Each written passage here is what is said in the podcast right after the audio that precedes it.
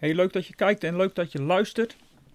Ik wil vandaag even stilstaan bij iets wat we allemaal wel herkennen als we momenten hebben gehad dat we dicht bij God leven.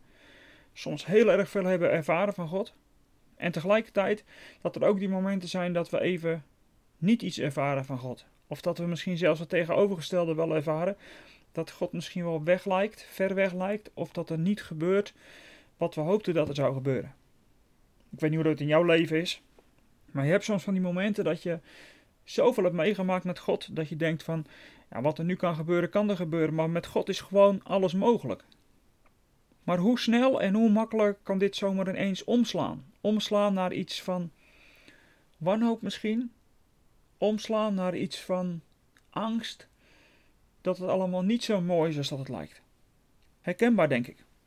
Tenminste, als je heel veel met God ervaart, dan zijn er ook gewoon van die momenten dat dat even anders is of minder wordt. Ik wil je even meenemen naar de man in de Bijbel die we allemaal kennen: Elia. Elia was een man van God met ongelooflijk veel ervaringen met God. Eigenlijk zijn hele leven, zeker het begin wat we van hem lezen, zit vol met allemaal bijzondere wonderen van God in zijn leven. Als Elia tegen de goddeloze koning Agab moet vertellen dat er voorlopig geen regen komt, God voorziet. Brengt hem ergens bij een vrouw die hem te eten geeft. Brengt hem aan een beek waar zelfs de raven hem eten brengen. En uiteindelijk, als dan die periode van droogte bijna voorbij is en God zegt tegen Elia: Ga maar naar Agab toe en ga maar vertellen dat de regen aankomt. Net daarvoor is dat moment boven op die grote berg de Karmel. Israël was de afgoden gaan dienen. Israël was de Baal gaan dienen. En allemaal Baalpriesters waren er die, die goddeloze dingen deden. Die niet deden wat God had gevraagd van het volk. Die het volk uiteindelijk leerden om verkeerde goden te dienen. En dan komt Elia en dan zegt Elia dat hij wil dat het volk uiteindelijk een keus gaat maken. Dat ze niet langer op twee gedachten zullen hinken. Maar dat ze ervoor zullen kiezen wie nou werkelijk hun God mag zijn. En daarboven op de, daarboven op de karmel, daar stelt hij voor om twee altaren te bouwen. Eentje voor de Baal en eentje voor God. En hij zegt erbij: De God die het offer op het altaar met vuur aansteekt, dat is de ware God. Dat is trouwens best lef, hè? Als je dat durft. Dat is best wel echt durven. Van echt vertrouwen op God. Nou ja, jullie weten wat er gebeurt. Daarboven op die berg, daar wordt een uh, altaar gebouwd door de Baalpriesters. En die Baalpriesters gaan bidden, die gaan smeken, die gaan gillen, die gaan van alles doen. Die snijden zichzelf, zodat Baal alsjeblieft toch maar vuur zou geven. En wat er gebeurt, er gebeurt in ieder geval niet iets wat ze willen. Er komt geen vuur. Elia stookt de boel op. Elia zegt dan ook nog: Ja, misschien hoort hij niet. Misschien heeft hij helemaal geen oren. Of misschien zit hij wel gewoon op de wc zijn behoefte te doen. Elia daagt ze ongelooflijk uit. En dan komt Elia aan de beurt. En daarboven op die berg Karmel, daar zet hij het altaar neer. En hij zegt tegen de mensen die hem helpen: overspoelt het altaar en het offer wat erop ligt, maar helemaal met water. Hij laat er een geul omheen graven, zoveel water eroverheen. En dan zou je zeggen: Elia, dwaas dat je bent, nu kan het zeker niet meer in de fik. En op dat moment roept hij God aan, terwijl het alles drijven en drijfnat is. En God geeft vanuit de hemel antwoord met vuur. En in ene klap verteert hij het hele offer wat er op het altaar ligt. Het gevolg is dat alle Baalpriesters, 450 stuks, allemaal een kopje kleiner gemaakt worden en dat het volk uiteindelijk kiest voor God. En dan zou je toch zeggen, nou Elia, als je zoveel hebt meegemaakt met God, dan hoef je nu niet meer bang te zijn.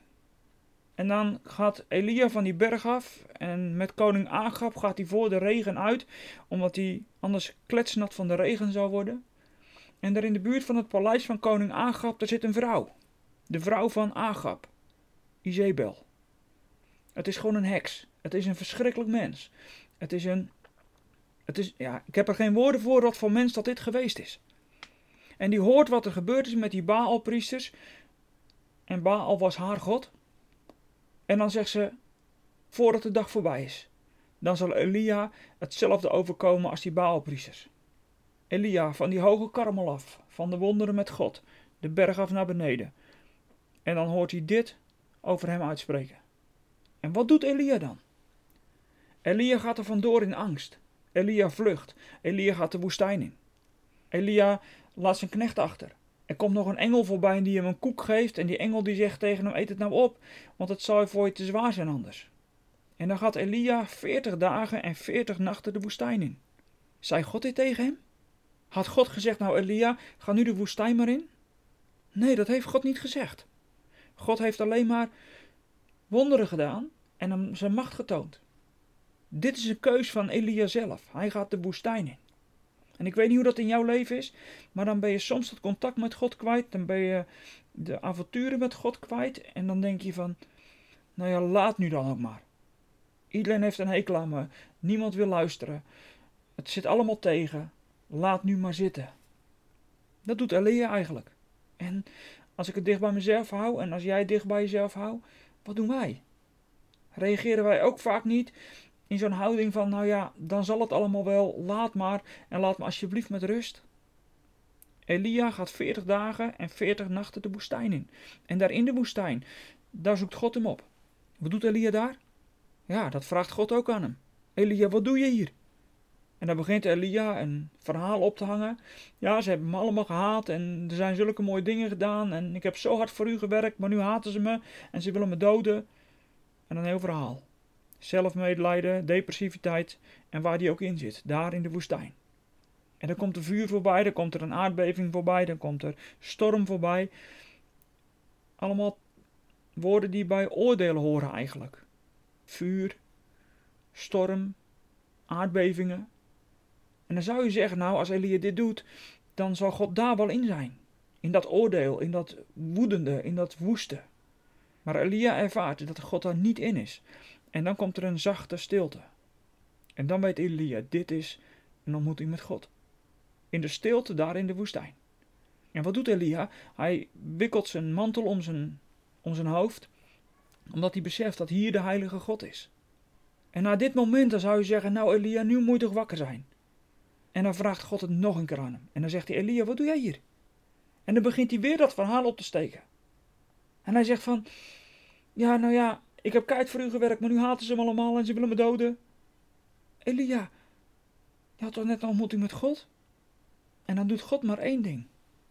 En dan zegt God tegen Elia, Elia, ga terug op je weg.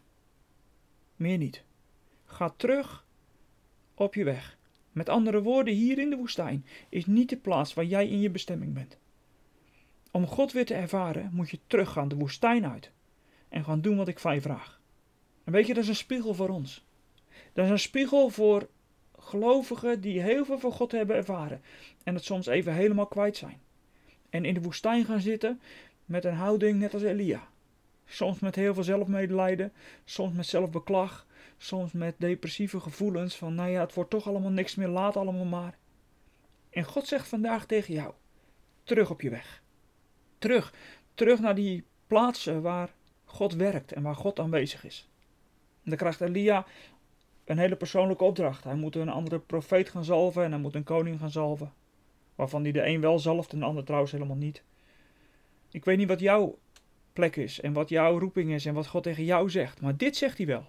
Als jij daar in die woestijn bent gaan zitten, omdat het nu zo tegenvalt, dan zegt hij vandaag tegen je: ga nu terug op je weg. En ga gewoon doen wat ik je voor geroepen heb. Want daar ervaar je de tegenwoordigheid van God. Je ervaart daar de tegenwoordigheid van God waar jij het koninkrijk gaat uitdelen. En waar je opnieuw gaat staan in de kracht van dat koninkrijk. En dat wil ik je meegeven. En daar wil ik je ook mee bemoedigen en tegen je zeggen: kom op, terug uit die woestijn. Terug naar de plaatsen waar God jou karmelervaring hebt gegeven. En ga opnieuw de karmel ervaren. Door gewoon te gaan doen wat God van je vraagt. En uit te delen van het koninkrijk van Jezus. God oordeelt niet, hè? Als je nu in de woestijn zit. Ook bij Elia niet. God wordt niet boos. God wordt niet kwaad. God oordeelt niet. Maar hij stuurt je wel terug. En hij zegt vandaag ook tegen jou: Kom op, joh. Terug uit die woestijn, daar moet je niet zijn. Nu terug naar de plaats waar ik, Yahweh, God, Vader, Zoon en Heilige Geest, waar ik jou wil gebruiken.